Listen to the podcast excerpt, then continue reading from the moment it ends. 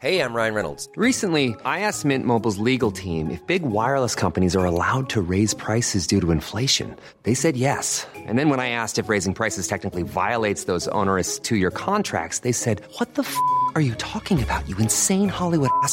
F- So to recap, we're cutting the price of Mint Unlimited from $30 a month to just $15 a month. Give it a try at mintmobile.com slash switch. $45 upfront for three months plus taxes and fees. Promo rate for new customers for limited time. Unlimited more than 40 gigabytes per month. Slows. Full terms at mintmobile.com.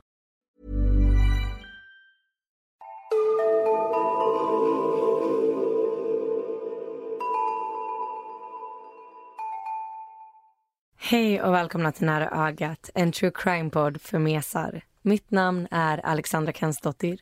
Och jag heter Amelia Ingman. Och det låter så annorlunda idag alltså. Jag har ju lyckats bli jättehes. Nu är jag bra jämfört med vad jag var för några dagar sedan.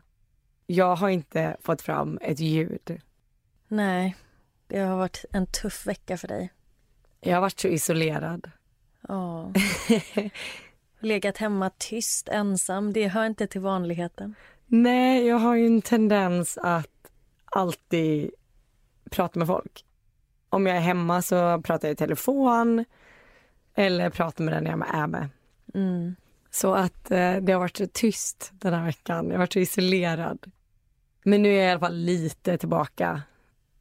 Ja, det är ju skönt att vi fick till den här inspelningen idag i alla fall. Så att vi inte hade blivit utan avsnitt 40. Ja, och jag hoppas att ni har lite överseende med att jag låter lite annorlunda i det här avsnittet så jag förhoppningsvis bättre till nästa gång. Och innan vi drar igång dagens avsnitt så skulle jag bara vilja ge en liten uppdatering på ett fall som jag tog upp för några veckor sedan som handlade om familjen Turpin. Och jag har fått in två tips från Amanda och Felicia som länkar till artiklar från både Aftonbladet och Expressen. För det är nämligen så att två av barnen i Turpin-familjen har nu valt att gå ut i media och berätta om sin uppväxt. Ja, men det var den här stora familjen, va? När föräldrarna typ låste in sina barn, eller? Ja, precis.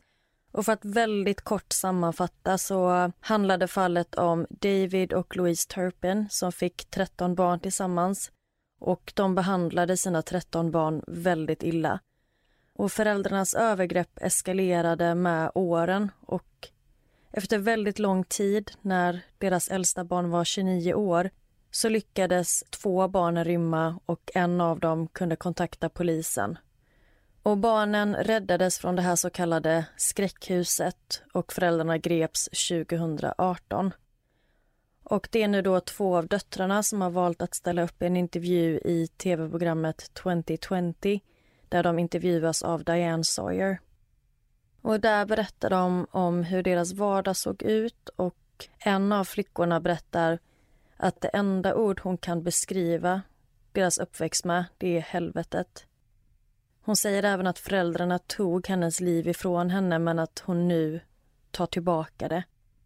Och hon sa i den här intervjun att hon vill att när folk hör namnet Turpin så ska man tänka att wow vad de är starka. Det här har inte knäckt dem och de hanterar det här bra. Och David och Louise Turpin de dömdes 2019 till 22 års fängelse vardera.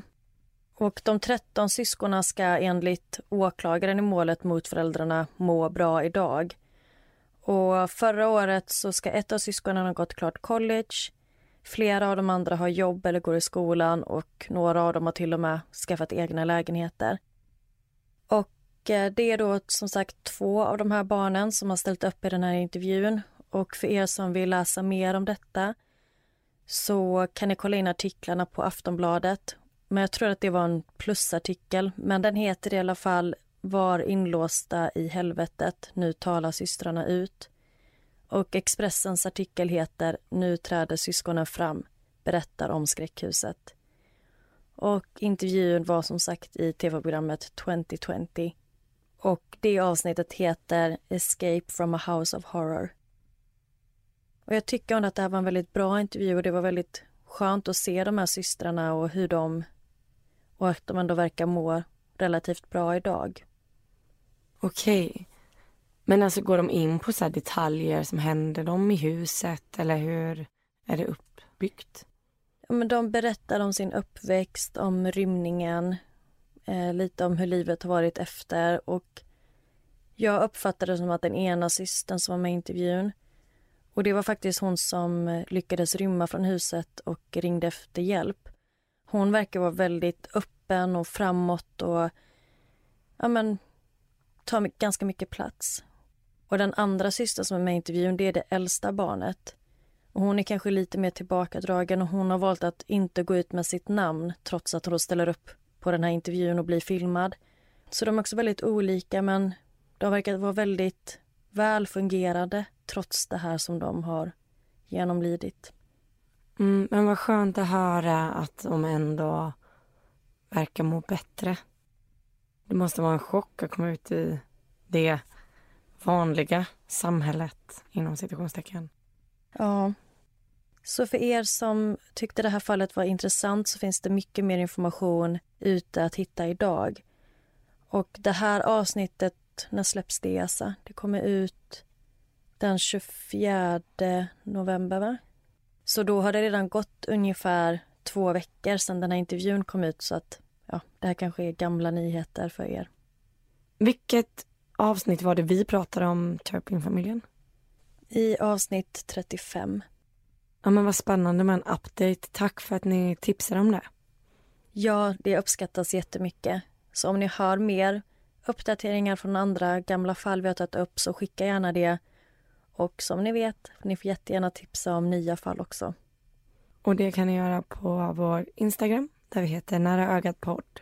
Ja, och det heter vi även på Facebook för er som vill kontakta oss där. Yes. Men vad säger du, ska vi köra igång det här avsnittet? Ja, det tycker jag. Vill du börja? Ja, vila rösten du så länge så kör jag. Fallet som jag ska berätta om idag handlar om Jerry Rice och Janice Ruther. Och det här är ett tips som vi har fått från Nadine. Och hon skickade in och berättade om en skräckfilm på Netflix som heter Aftermath.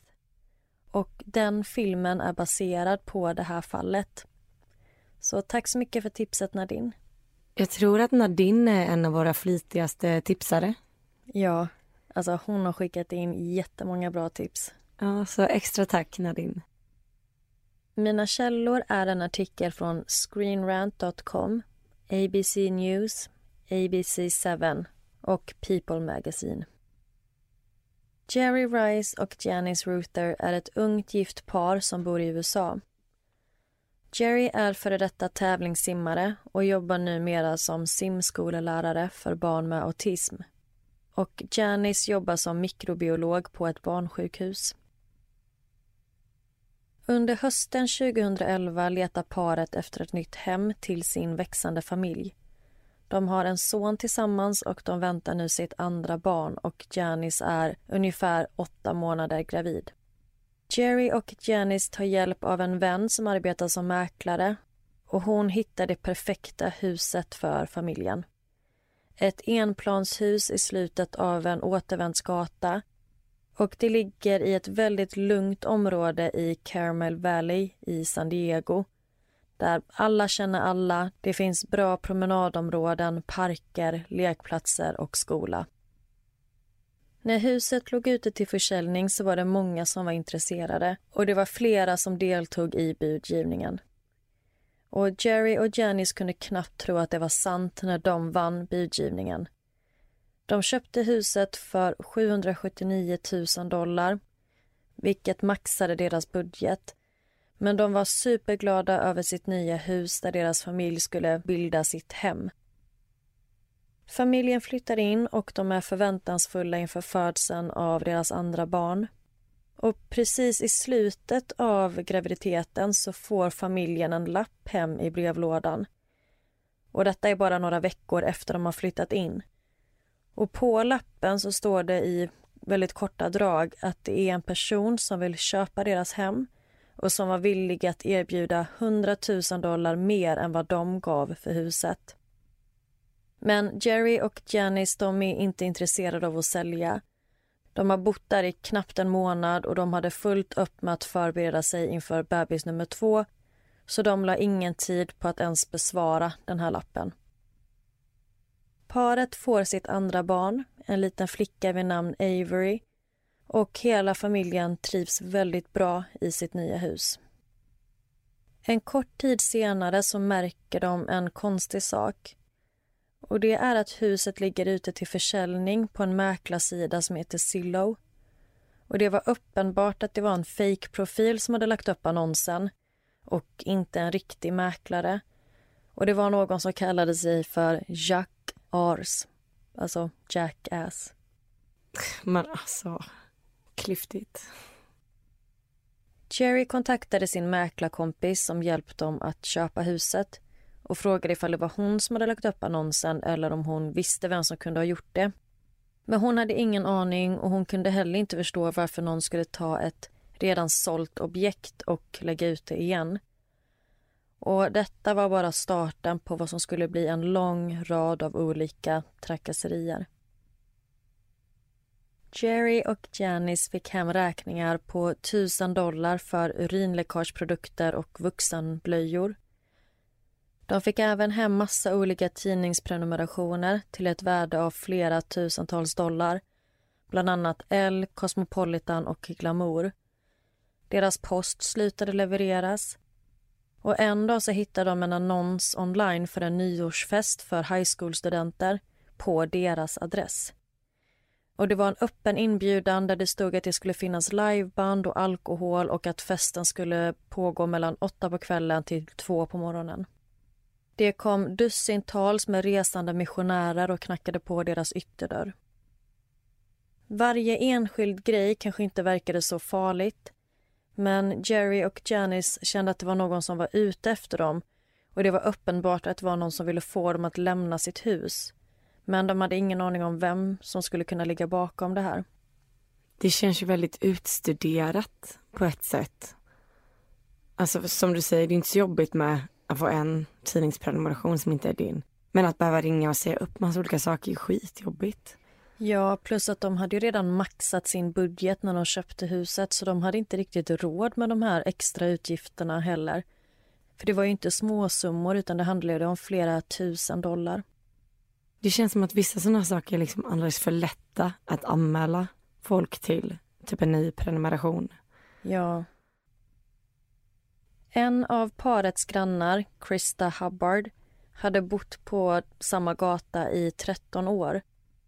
Och en dag så får hon hem ett brev på posten som ser väldigt officiellt ut, som att det kom från någon myndighet.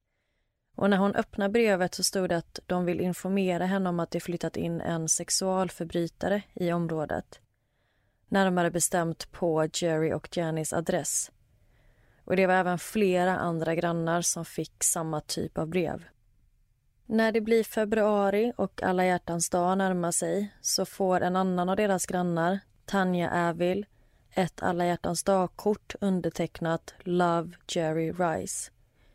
Och Tanja visade kortet för sin man Paul som aldrig tidigare träffat Jerry och han blir riktigt arg och bestämmer sig för att det är dags att hälsa på sin nya granne. Paul stormar ut ur huset och går direkt och knackar på dörren till Jerry och Janis hem. Paul vill konfrontera Jerry, för vem är han att skicka alla hjärtans dagkort till en annan mans fru? Men Tanja var inte den enda kvinnan som hade fått kort av Jerry utan alla gifta kvinnor på gatan hade fått liknande kärlekshälsningar. Och Jerry gav samma svar till alla som kom och konfronterade honom. Han bad om ursäkt och förklarade att det var någon som trakasserade dem och att de inte visste vem. Alla hjärtans dagkorten hade skickats ut i ett försök att få grannarna att bli arga och skapa en konflikt mellan dem och Jerry och därmed få Jerry och hans familj att vilja flytta därifrån. Jerry och Janice börjar nu bli riktigt oroliga. Och allt blev mycket värre och kändes mycket mer allvarligt när de kontaktade polisen som sa att det förmodligen handlar om en väldigt sjuk eller störd person som antagligen övervakar dem. De kände sig rädda för sina barns säkerhet och de börjar nu bli misstänksamma mot alla i sin omgivning. Varje vecka hände något och det var hela tiden nya saker som dök upp. Jerry gjorde vad han kunde för att skydda sin familj och för att de skulle känna sig säkra i sitt eget hem.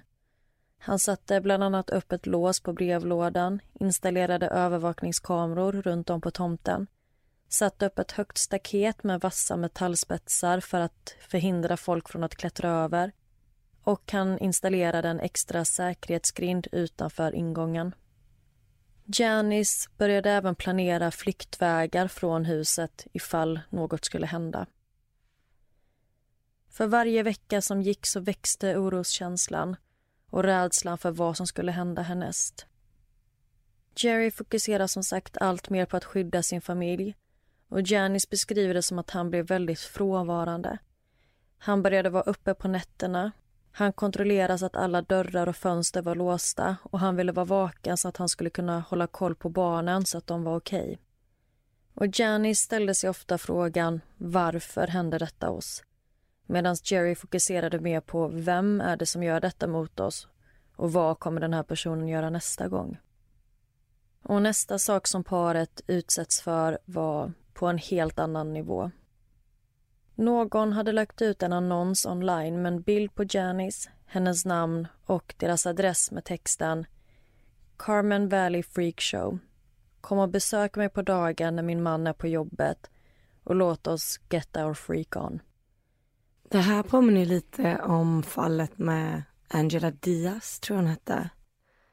Ja, jag håller med. Jag tänkte också på det när jag researchade detta. Sjukt beteende. Mm. Det skulle visa sig att flera män svarade på den här annonsen. Och de här männen de var i kontakt med någon som utgav sig för att vara Janice.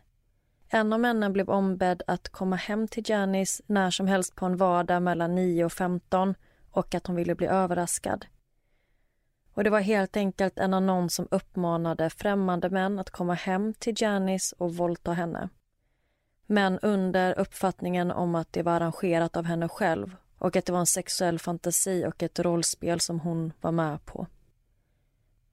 En av männen som svarade på annonsen åkte hem till Janice men när han kom dit så var det ingen hemma. Så han skickade ett meddelande till personen som lagt upp annonsen och berättade att det inte var någon där. Att grinden var låst så han kunde inte ens knacka på dörren. Och den som utgav sig för att vara Janice svarade och bad om ursäkt och uppmanade honom att komma dit en gång till och att det skulle bli värt mödan. Den här mannen åkte då tillbaka hem till Janis en andra gång men som tur var så var inte Janis hemma utan det var Jerry som öppnade dörren. Och Jerry märkte direkt att det verkade som att det var något som inte riktigt stämde med den här mannen. Och han gav någon konstig ursäkt kring varför han var där innan han flydde från platsen. Och en kort tid därefter gjorde Jerry av en slump en Google-sökning på sin frus namn. Och han fick då upp den här annonsen om sexuella möten som såg ut att vara publicerad av Janice själv och då valde de såklart att polisanmäla det här. Trakasserierna hade nu pågått i närmare ett år och både Jerry och Janice fruktade som sagt för familjens säkerhet.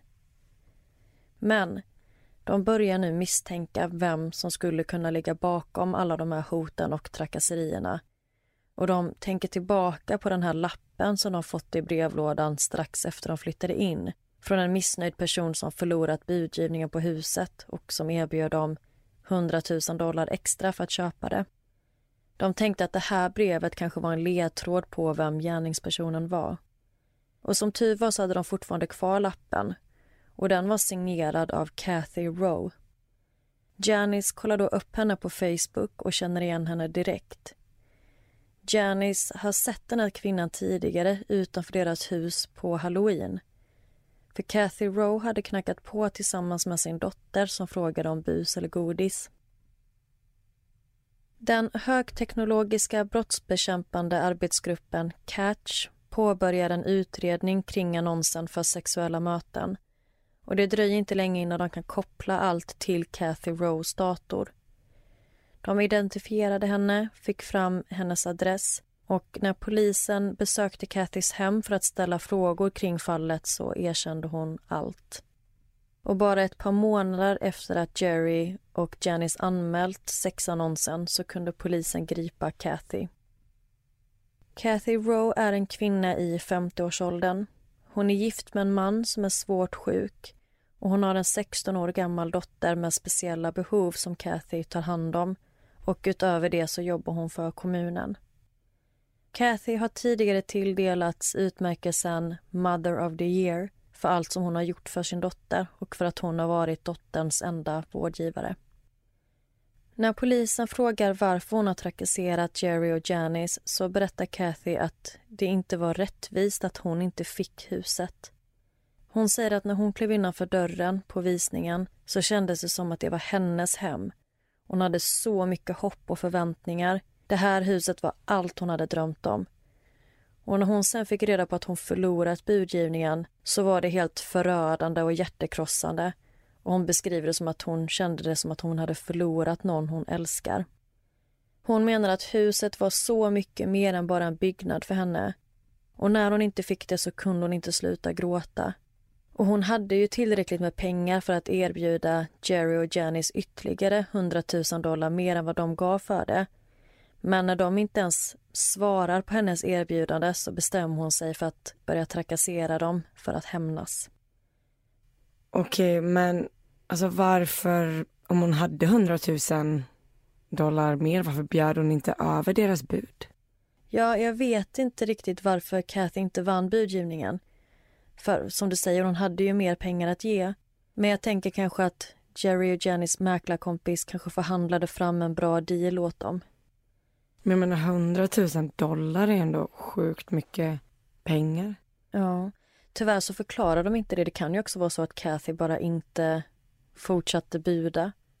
Alltså även om det är trist att förlora en budgivning så behöver man inte trakassera någon för det. Nej, verkligen inte.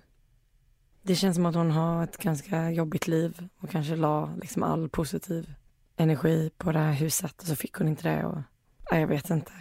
Det är precis så Kathy förklarar det. Okej, okay, wow. Jag förstår henne, vad läskigt. ja. Och det visar sig såklart att det var Kathy som la ut huset till försäljning på Zello. Det var hon som skickade alla hjärtans dagkorten till kvinnorna där hon utgav sig för att vara Jerry. Hon beställde tidningsprenumerationer till huset till ett värde av tusentals dollar och hon fick parets post avbokad med mera. Kathy säger att hon valde att gå hem till dem på halloween inte för att hon brydde sig om vilka de var som hade flyttat in utan för att hon ville se vad de hade gjort med huset. Men det kan man ju ifrågasätta eftersom hon använde ju information om paret mot dem framförallt den här fruktansvärda annonsen som hon la ut där hon låtsades vara Janice. Och hon har ju ändå använt fakta om paret för att kunna utföra vissa av de här trakasserierna. Kathy säger att hon är avundsjuk, upprörd, förkrossad och deprimerad. Men när hon blir ifrågasatt kring varför hon valde att ge sig på de här oskyldiga människorna så svarar hon att det var bara så hennes känslor uttryckte sig. Hon säger även att hon såg på det hela som en rolig grej. Inte som att hon utsatte dem för något lidande eller fara. Men när de här männen svarade på sexannonsen så äggade ju Kathy på och hon uppmanade ju dem att åka och besöka Janice. hon skrev ju till en av de här männen att hon är hemma i stort sett varje dag och att hon är uttråkad, att hon älskar att bli överraskad och att hon vill att en man ska dyka upp vid dörren, forcera sig in och forcera sig på henne. Att hon vill bli tagen när hon skriker nej. Och här finns det ju ingen tvekan om att Kathy försökte få Janice våldtagen. Hon planerade det och hon lyckades nästan. Men om Kathy har tagit all den här tiden och energin som hon nu la på att trakassera det här paret, på att försöka hitta ett nytt hus, så hade hon ju kanske gjort det. Ja, det är väldigt svårt att förstå hur hon resonerar kring detta. Men som jag sa, hon ser det som... Ett prank, eller? Ja, eller ganska så oskyldigt. Typ att de behövde inte vara rädda. Det var ingenting att oroa sig för. Men som sagt, det var det ju visst. Och den här mannen som hade åkt hem till Jerry och Jennys hus andra gången då han försökte åka dit och Jerry öppnade, då skrev han till Kathy igen, eller vad han trodde var Janice. Och Kathy uppmuntrade honom att åka dit en tredje gång och drog ett fiktivt scenario där hon skrev att Janice nu ville ha en trekant. Men det var först då som den här mannen backade för han var inte intresserad av det. Hon vet ju vad hon gör. Mm. Alltså hon är ju riktigt läskig. Mm. I en intervju som jag såg eh, gjord av ABC News så säger reporten till Kathy att hon hade en otrolig tur att ingenting hände Janice. Och Kathy säger då att hon aldrig i sin vildaste fantasi kunde tro att en man skulle åka hem till Janice och skada henne. Och hon säger även att normalt sett så bryr Kathy sig mer om andra människors säkerhet än sin egen. Men uppenbarligen inte den här gången. Och Kathy menar att det här bara visar på hur nedsatt eller påverkad hennes tankeförmåga var. Och Kathys psykolog har försökt förklara hennes agerande som ett resultat av sömnbrist och hennes konstanta ansvar att ta hand om sin dotter dygnet runt. Och att sömnbrist kan ha en stor påverkan på människor och ens psykiska mående. Men det är svårt att förstå de här bortförklaringarna. Att det skulle vara på grund av sömnbrist och att hon verkligen älskade det här huset. För att jag menar, det är ju tusentals andra människor som går igenom samma sak och som inte ger sig på oskyldiga människor. Men Kathy menar att de flesta andra har mer uthållighet tack vare stöttning från exempelvis vänner, familj och partner, vilket är någonting som hon saknar. Men Jerry och Janice är övertygade att om Kathy inte hade stoppats i tid så hade hon fått någon att attackera Janice. Ja, men det känns ju också som att det här har eskalerat. Från några tidningar till att de börjar skicka brev till grannarna och skriva att eh, sexualförbrytare till att hon försöker få Janice våldtagen. Alltså, det låter ju som att hon hade typ kunnat tända på huset eller någonting. Alltså, ja, om det hade fått fortsätta. Ja, visst. Man har ingen aning om vad det hade slutat med. Kathy åtalades för två fall av grov uppmaning till våldtäkt och sodomi, för identitetsstöld, stalking och upprepade trakasserier genom elektronisk kommunikation. Initialt så riskerade hon upp till nio års fängelse och efter att rättsprocessen pågått i några månader så blev Kathy en medial sensation och väldigt många pratar om det här fallet av kvinnan som en gång fått utmärkelsen Mother of the year.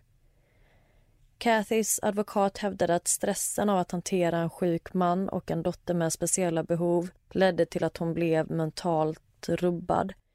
Och när hon förlorade huset så var det bara droppen som fick bägaren att rinna över. Kathy erkände sig skyldig till grov stalking och hon dömdes till ett år i husarrest med fotboja och fem års villkorlig dom samt att hon ska hålla sig borta från Jerry och Janice under tio år. Kathy kommer att vara under skyddstillsyn och hade hon enbart fått fängelsestraff så hade hon förmodligen inte varit under uppsyn under lika lång tid vilket kan ses som positivt, men det är fortfarande ett ganska lågt straff. Och En anledning till att Cathy fick så pass milt straff är på grund av hennes dotter. Dottern har som sagt speciella behov och har cirka 100-150 läkarbesök årligen. Och Cathy är hennes vårdnadstagare, så därför var det en förmildrande omständighet. Och Cathy fick behålla vårdnaden av sin dotter men hon förlorade sitt jobb på kommunen. Kathy säger att hon förmodligen är den mest ogillade personen i San Diego och att många ser på henne som en hemsk och ond person som försökte skada det trevliga paret. Men hon menar att detta stämmer inte, för det var aldrig hennes avsikt att skada dem. Under rättegången så bad Kathy om ursäkt och sa förlåt till Janice och Jerry. Men trots detta så kände Janice och Jerry fortfarande sig otrygga. Och Jerry gjorde ett uttalande i rätten där han sa att han anser att Kathy är en farlig person på grund av hennes förmåga att ljuga och manipulera. Och de anser att Kathy har nu en ännu större anledning att ge sig på och attackera dem än vad hon hade tidigare. Så de oroar sig fortfarande över vad hon ska göra mot dem. Efter domen föll så köpte Kathy ett nytt hem till sin familj bara cirka en och en halv kilometer från Jerry och Janis hus. Men hon måste som sagt hålla sig borta från dem under minst tio år. Det senaste jag kunde hitta gällande Jerry och Janice är från 2015. Och Då bodde de fortfarande kvar i huset i San Diego fast de hade gjort några ytterligare säkerhetstillägg. Ingen av dem skadades fysiskt av Kathys försök till hämnd men upplevelsen var helt klart påfrestande. Och idag har de en betydligt lugnare tillvaro sedan Kathy greps.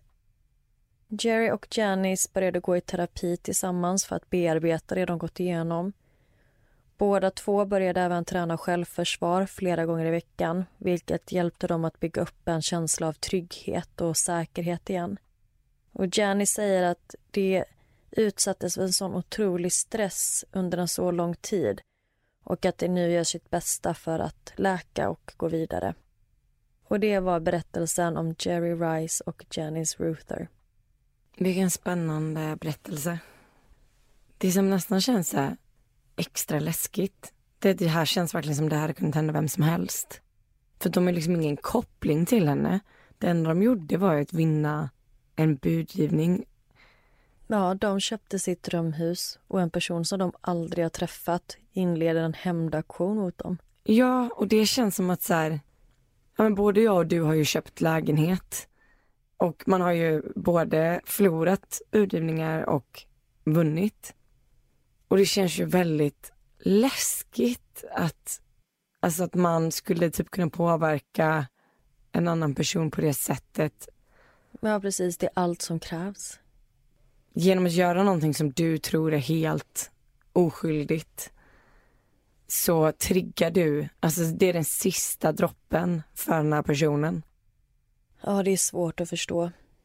Och Janice sa också under rättegången att tajmingen som det här hände i, liksom de hade precis köpt sitt hus, de hade precis flyttat in. Hon tog hand om ett litet barn och nu även en nyfödd bebis. Och det är då alla de här trakasserierna börjar och hon kände sig redan väldigt utsatt och sårbar i den här situationen som hon var i. Så att ja, det var ju väldigt påfrestande. Det känns nästan som alltså de här nättrollen man har talas om. Det känns som att hon så här triggar sig själv. Alltså tar ett litet steg längre. Gör något lite, lite värre. Gör något lite, lite värre. Mm, hon kanske inte förstår själv hur mycket det faktiskt trappade upp. Ja, och jag menar det här sista med den här annonsen. Ja, ja, där gick hon ju grovt över gränsen. Och att så här, när det väl var en man som verkligen nappade på den här annonsen och åkte hem till dem, inte ens då kunde hon förstå att hon har gått för långt, utan hon fortsatte trigga honom. Och bara, ja, jag var inte hemma. Ja, och som hon sa i den här intervjun som jag såg, att hon kunde inte i sin vildaste fantasi ens föreställa sig att det var en risk för att Jenny skulle bli skadad. Han bara, fast jo. Det är ju superuppenbart att hon var nära på att bli skadad i och med att du fortsätter säga att den här mannen ska fortsätta åka hem till henne. Mm. Och det finns jättemånga olika artiklar och intervjuer där Kathy pratar ut och försöker förklara och rättfärdiga sitt beteende. Och hon har jättemånga ursäkter och förklaringar. Och hon gästar även Dr. Phil där hon får möjlighet att prata ut. Men jag vill inte lyfta det mer än vad jag redan har gjort. Mm. För det är bara massa olika snyfthistorier om hur tufft hennes liv är och att hon inte menar något illa. Men den skräcken hon utsatte Jerry och Janice för, som då hade sina två små barn hemma. Jag menar, tänk dig själv att vara i den situationen. Du har en bebis och så dyker det upp en hotfull stalker som du inte vet vad den är kapabel till ja, det finns inget som ursäktar det hon utsatte den här oskyldiga familjen för. Nej men precis, det finns ju verkligen ingenting som rättfärdigar det hon gjorde. Det spelar ingen roll hur jobbigt hennes liv har varit. Nej. Det rättfärdigar ju inte att du förstör andra människors liv. som inte ens har någonting med ditt liv att göra. Nej, det är som sagt väldigt svårt att förstå. Och hon kanske skulle ha fått vård. Nu dömdes hon ju till husarrest och eh, skyddstillsyn men ja, hon kanske hade behövt någon annan typ av stöttning för att ta sig igenom detta. Om det nu, som hon säger, om det var detta som fick bägaren att rinna över så kanske hon behöver hjälp med att jobba på sin mentala hälsa. Verkligen. Och Det här fallet var ju som sagt ett tips från Nadine och hon tipsade egentligen om skräckfilmen Aftermath som finns på Netflix. Som jag nämnde i början så är ju den löst baserad på det som Jerry och Janice utsattes för. Och utan att spoila för mycket så är det flera detaljer i Aftermath som är direkt tagna från det här fallet. Bland annat det här med tidningsprenumerationerna och den falska annonsen. Men den här skräckfilmen är i stor del sin egen. Och det händer jättemycket saker som inte har någonting med det här fallet att göra alls.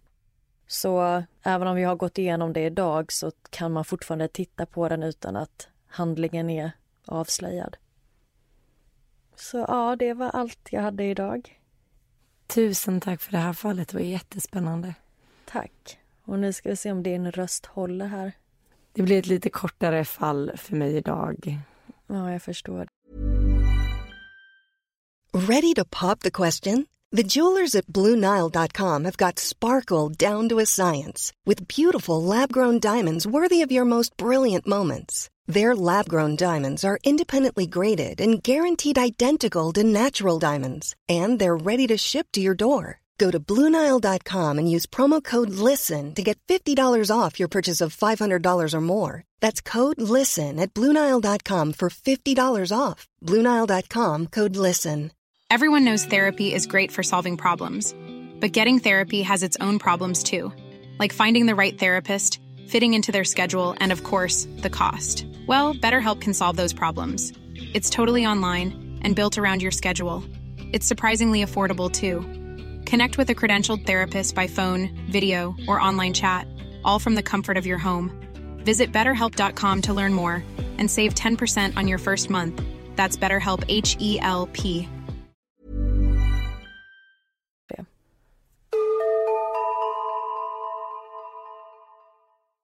Idag ska jag berätta om David Hunt och hans dotter Leia.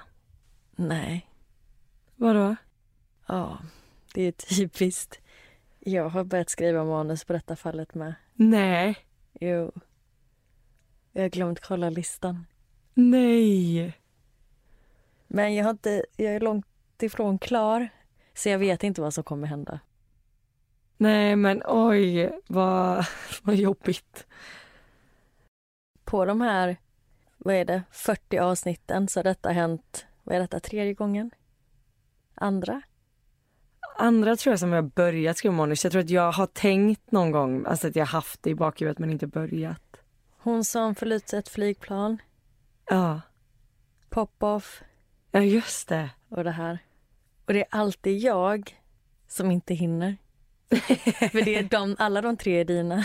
Ja, men jag får med att du hade något fall som jag hade tänkt ta, men som jag alltså bara hade tänkt. Jag hade inte, jag, jag tror inte ens jag hade skrivit upp det. Nej, okej. Men ja, det var skönt att jag hann först då.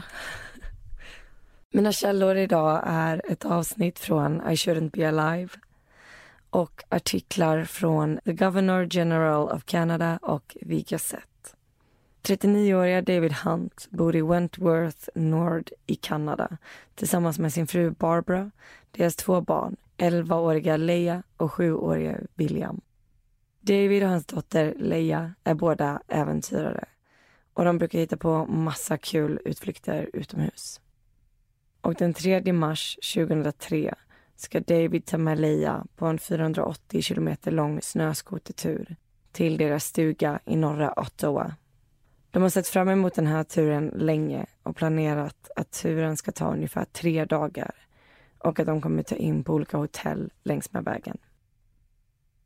De gjorde årliga far och dotterresor Och eftersom David var iväg väldigt ofta på jobb så såg Leia extra mycket fram emot att få smudera tre dagar själv med pappa. Det är jättebra att du fyller i här.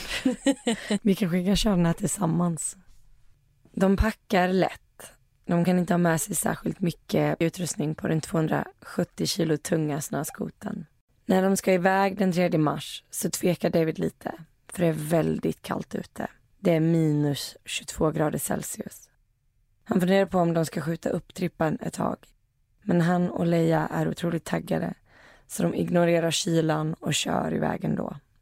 Så de åker iväg med snöskoten. Och även om det är otroligt kallt ute så är de bra klädda. Och Leia glömmer snabbt bort kylan då det är så otroligt roligt att åka iväg med sin pappa.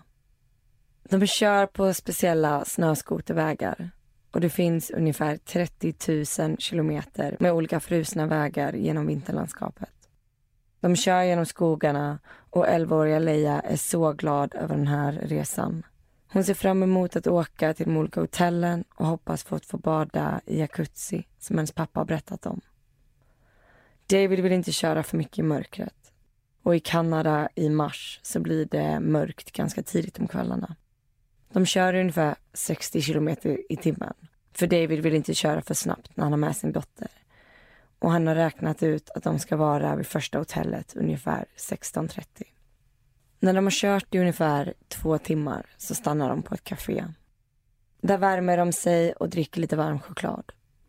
David har med sig en karta och sitter och kikar över hur de enklast ska ta sig till hotellet. Det finns mängder av olika vägar man kan ta och David försöker alltid hitta en ny väg och på så sätt upptäcka nya delar av den fantastiska naturen. Han hittar en bra väg på kartan och de dricker upp chokladen och beger sig sen ut i kylan igen. Vägarna är isiga och det är kallt. Kylan piskar i ansiktet. Och efter några timmar kommer de fram till det första hotellet. Och Leia ser så mycket fram emot att värma sig i poolen. Och när de går in får de till Leias besvikelse veta att det inte finns någon pool på just det här hotellet. Så de funderar lite kring hur de ska göra. Om de ska stanna på det här hotellet utan pool eller om de ska satsa på att åka till nästa hotell som ligger ungefär en och en halv timme bort. De bestämmer sig för att ta nästa hotell istället. De kollar kartan och börjar köra. De har lite bråttom i och med att de inte vill att det ska hinna bli för mörkt. Efter ungefär 30 minuter börjar vägen förändras. Snön ligger tätare och spåret blir allt mindre. Och det börjar även bli mörkare ute, så de ser inte särskilt långt framför sig. Själva stigen blir nu mindre och mindre och försvinner i snön. De har inte hunnit skotta den här vägen och David stannar till och kollar kartan. Han står nu inför ett dilemma. Antingen köra tillbaka och byta till en annan stig och på så sätt förlora flera timmar. Eller så chansar de och fortsätter framåt fastän vägen inte är skottad. David och Leia bestämmer sig för att chansa och fortsätta framåt. De kör sakta i och med att de inte vill riskera att köra på något som ligger gömt djupt i snön. De kör ett tag, men sen händer något. Det smäller till under skoten. De kör på något i den djupa snön och de främre skidorna på skoten låser sig och David tappar kontrollen över styrningen. Han försöker svänga, men det går inte. Och han tittar framåt och inser nu att de är på väg ut för en ravin. Utan att tänka slänger han av Leia och innan han själv hinner reagera så är han på väg ut över kanten mot ravinens botten. Det känns som att du kan döma det här manuset väldigt mycket i och med att du också har skrivit det. Det skulle jag aldrig göra. Plus att jag kom typ inte längre än så här så nu behöver du verkligen inte oroa dig. Så här efter så vet jag inte vad som kommer hända. Skönt. Fallet är ungefär fem meter högt och snöskoten kraschar i en flod. Leia springer fram till kanten och tittar ner. Hon ser att snöskoten har landat på hennes pappas ben. David ligger där nere och försöker nu få bort den 270 kilo tunga snöskoten. Och han vet inte hur, men på något sätt så lyckas han dra ut benet från under snöskoten. Han försöker ställa sig upp men faller ner direkt.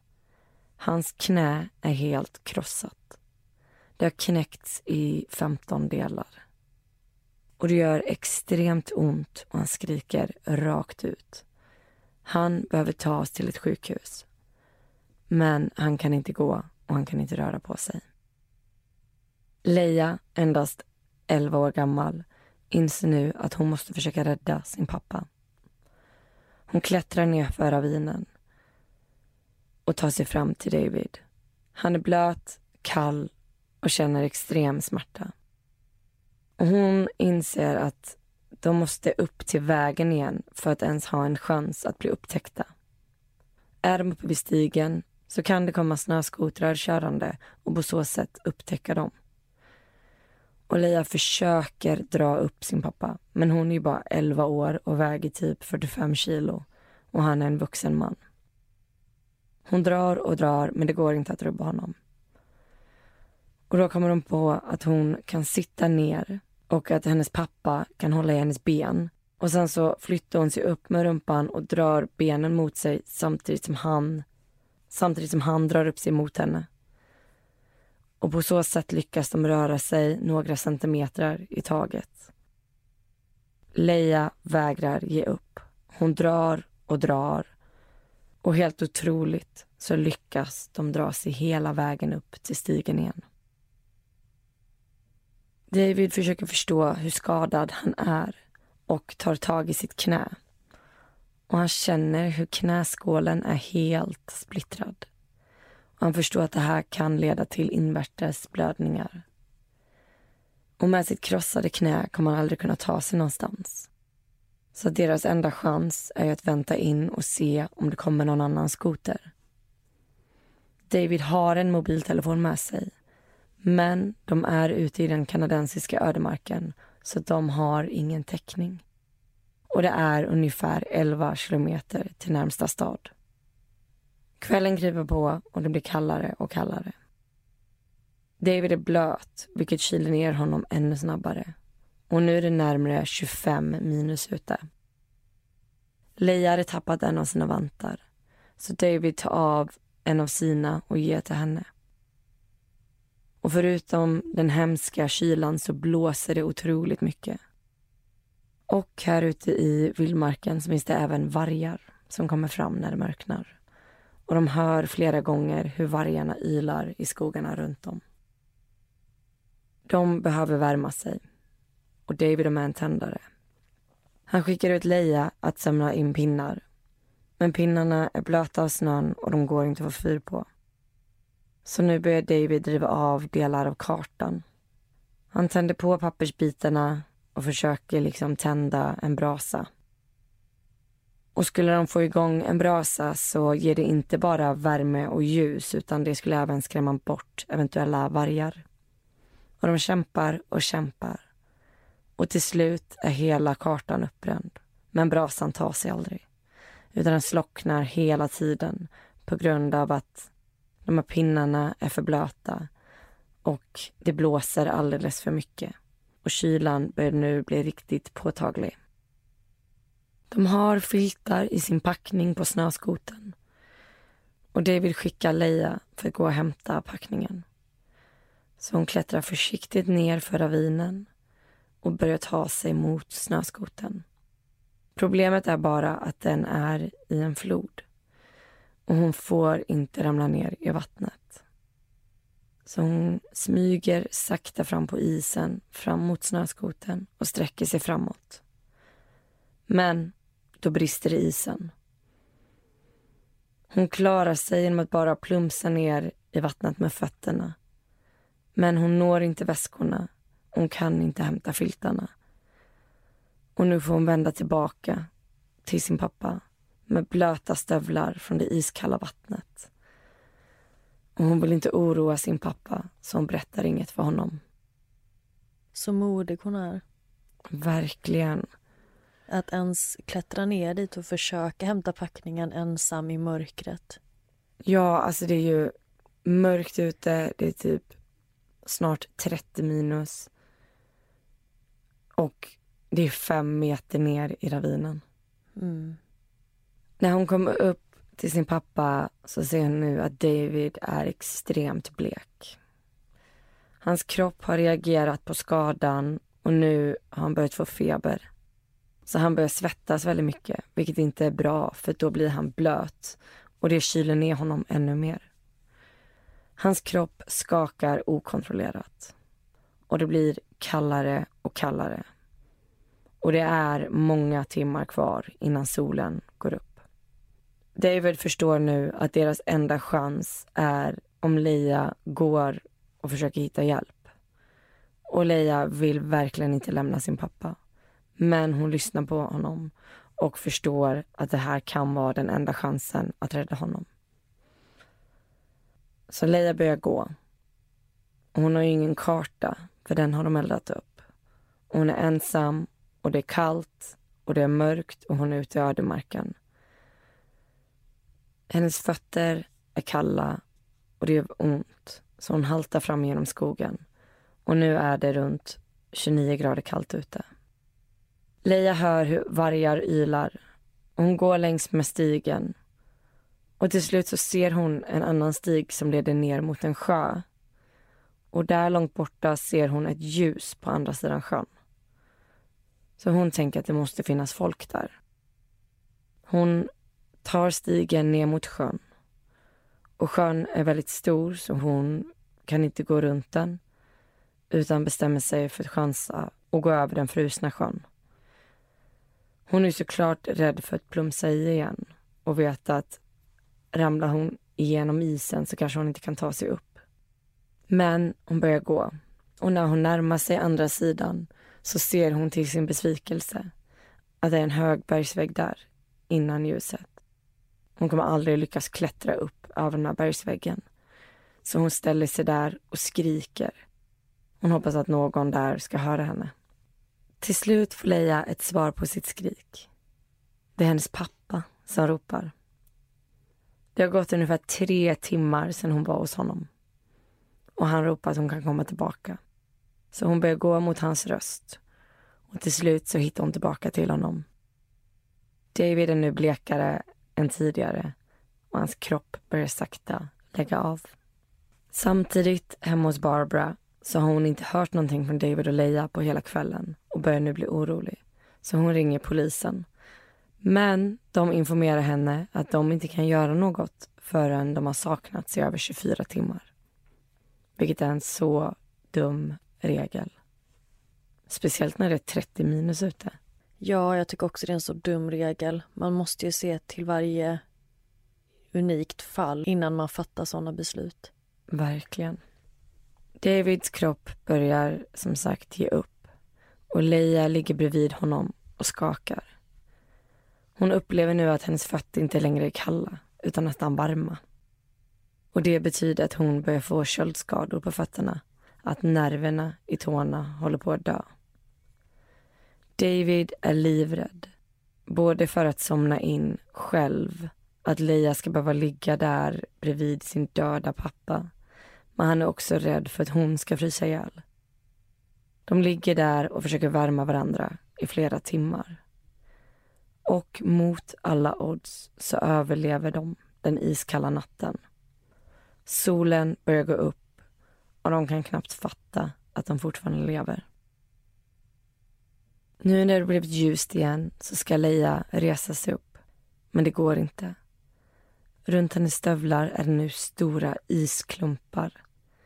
Och David tar en pinne och börjar slå sönder isen. Leia känner ingenting. Och det är ett extremt dåligt tecken. När David äntligen slagit loss all is kan Leia resa sig upp igen. Hon haltar nu sakta iväg. För nu när det är ljust ute så kan hon äntligen börja gå in mot staden igen. David ligger kvar i snön. Och det är ju fortfarande minus 27 grader ute. Och han vill verkligen försöka röra sig framåt. Så han kämpar sig upp på benen. Men svimmar direkt av smärtan så fort han försöker ta ett steg. Efter någon timma som kör en familj på snöskotrar ute i spåren och de ser David ligga där. Han berättar då att hans dotter är på väg mot stan. Så en av snöskotrarna åker efter Leia och letar reda på henne. De kör David och Leia till sjukhuset i stan. Både David och Leia är väldigt, väldigt nedkylda och de blir kvar ett bra tag på sjukhuset. David fick genomgå flera knäoperationer. Och Leia, hon hade fått köldskador på båda fötterna. Och det slutar med att hon får amputera höger fot och tårna på vänster fot. Ja, stackars henne. Men det är också otroligt att hon kunde gå in mot stan med så skadade fötter. Ja, verkligen. Alltså David säger att hans dotter Leia är helt fantastisk. Att hennes viljestyrka är så otroligt inspirerande. Och han säger även att Leia verkligen är hans hjälte. Ja, vad fint. Och det var historien om David och hans 11-åriga hjälte Leia. Hey, it's Paige DeSorbo from Giggly Squad. High quality fashion without the price tag. Say hello to Quince. I'm snagging high-end essentials like cozy cashmere sweaters, sleek leather jackets, fine jewelry, and so much more. With Quince being 50 to 80% less than similar brands. And they partner with factories that prioritize safe, ethical, and responsible manufacturing. I love that. Luxury quality within reach. Go to quince.com slash style to get free shipping and 365 day returns on your next order. Quince.com slash style. Ja, vad skönt att jag äntligen fick veta hur det gick för dem. Mm. Och det är helt otroligt att de överlevde den här natten. Nerkylda och sådana otroliga minusgrader. Ja, alltså jag kan inte ens förstå för båda två blev ju blöta. Och alltså minus 29 grader och piskande vind. Mm. Och att man ligger still. Ja, och att hon ändå klarade av att gå över den här sjön och hitta tillbaka till sin pappa och att han då orkade hålla ut så länge. Ja, det är svårt att förstå hur de lyckades. Ja, alltså det känns nästan som att båda överlevde för den andras skull. Alltså David kunde inte ge upp. Han kunde inte göra så mot Leia. Han kunde inte tillåta sig själv att dö när hon var där. Och att Leia ville verkligen bara rädda sin pappa. Så jag tror att de kämpade så otroligt mycket för att klara sig för den andres skull. Ja. Och jag tänkte att lillebrorsan som ville följa med, det var ju tur att han fick stanna hemma. Och man förstår ju hur orolig Barbara måste ha varit när hon är hemma och vet hur kallt det är och att hon inte har fått tag på sin man och sin dotter och att sen ringa till polisen och få till svar att det måste gå 24 timmar. Ja, det är ju så frustrerande. Att få det svaret av polisen menar jag. Mm. Men det är klart att hon måste varit jätterädd. Sen så är det ju lätt att vara så efterklok. Men om de hade tre hotellnätter på vägen så känns det bara så onödigt att inte bara stanna på det här första när man visste hur lite tid man hade till solen skulle gå ner och så vidare. Att de borde bara stannat kvar på det här första hotellet. Mm. Men det är ju lätt att säga så här i efterhand men att de två är ensamma på en snöskoter mitt ute i ingenstans det Utan täckning. Ja, det är väldigt riskfullt. Speciellt när det är så kallt. Jag menar det var ju ovanligt kallt de här dagarna. Ja, och de hade nog bara tur med att vargarna inte kom för nära. Gud, mardröm. Mm. Blir du sugen på att åka snöskoter? Alltså det är ju kul, men kanske på dagen när det är sol ute. Inte minus 20 grader. Men med det sagt, jag ligger hellre i poolen hemma hos Janice och Jerry i San Diego. Jag vet inte om jag skulle våga vara där om jag ska vara helt ärlig. Inte med den galna grannen. Nej, det är klart. Ja, det var ju två väldigt olika fall idag. Ja, det var det verkligen. Om inte du har mer att tillägga så kanske det är dags för oss att runda av idag. Mm. Så tack så jättemycket för att ni har lyssnat på det här avsnittet idag. Så hörs vi igen nästa vecka. Ja, och vi kommer som vanligt lägga ut bilder från fallen på Facebook och Instagram där vi heter Nära ögat podd. Ja, och krya på det så hoppas vi att vi är tillbaka friska och krya nästa vecka. Tusen tack. Vi hörs nästa vecka. Puss puss. Ha det fint. Thank you.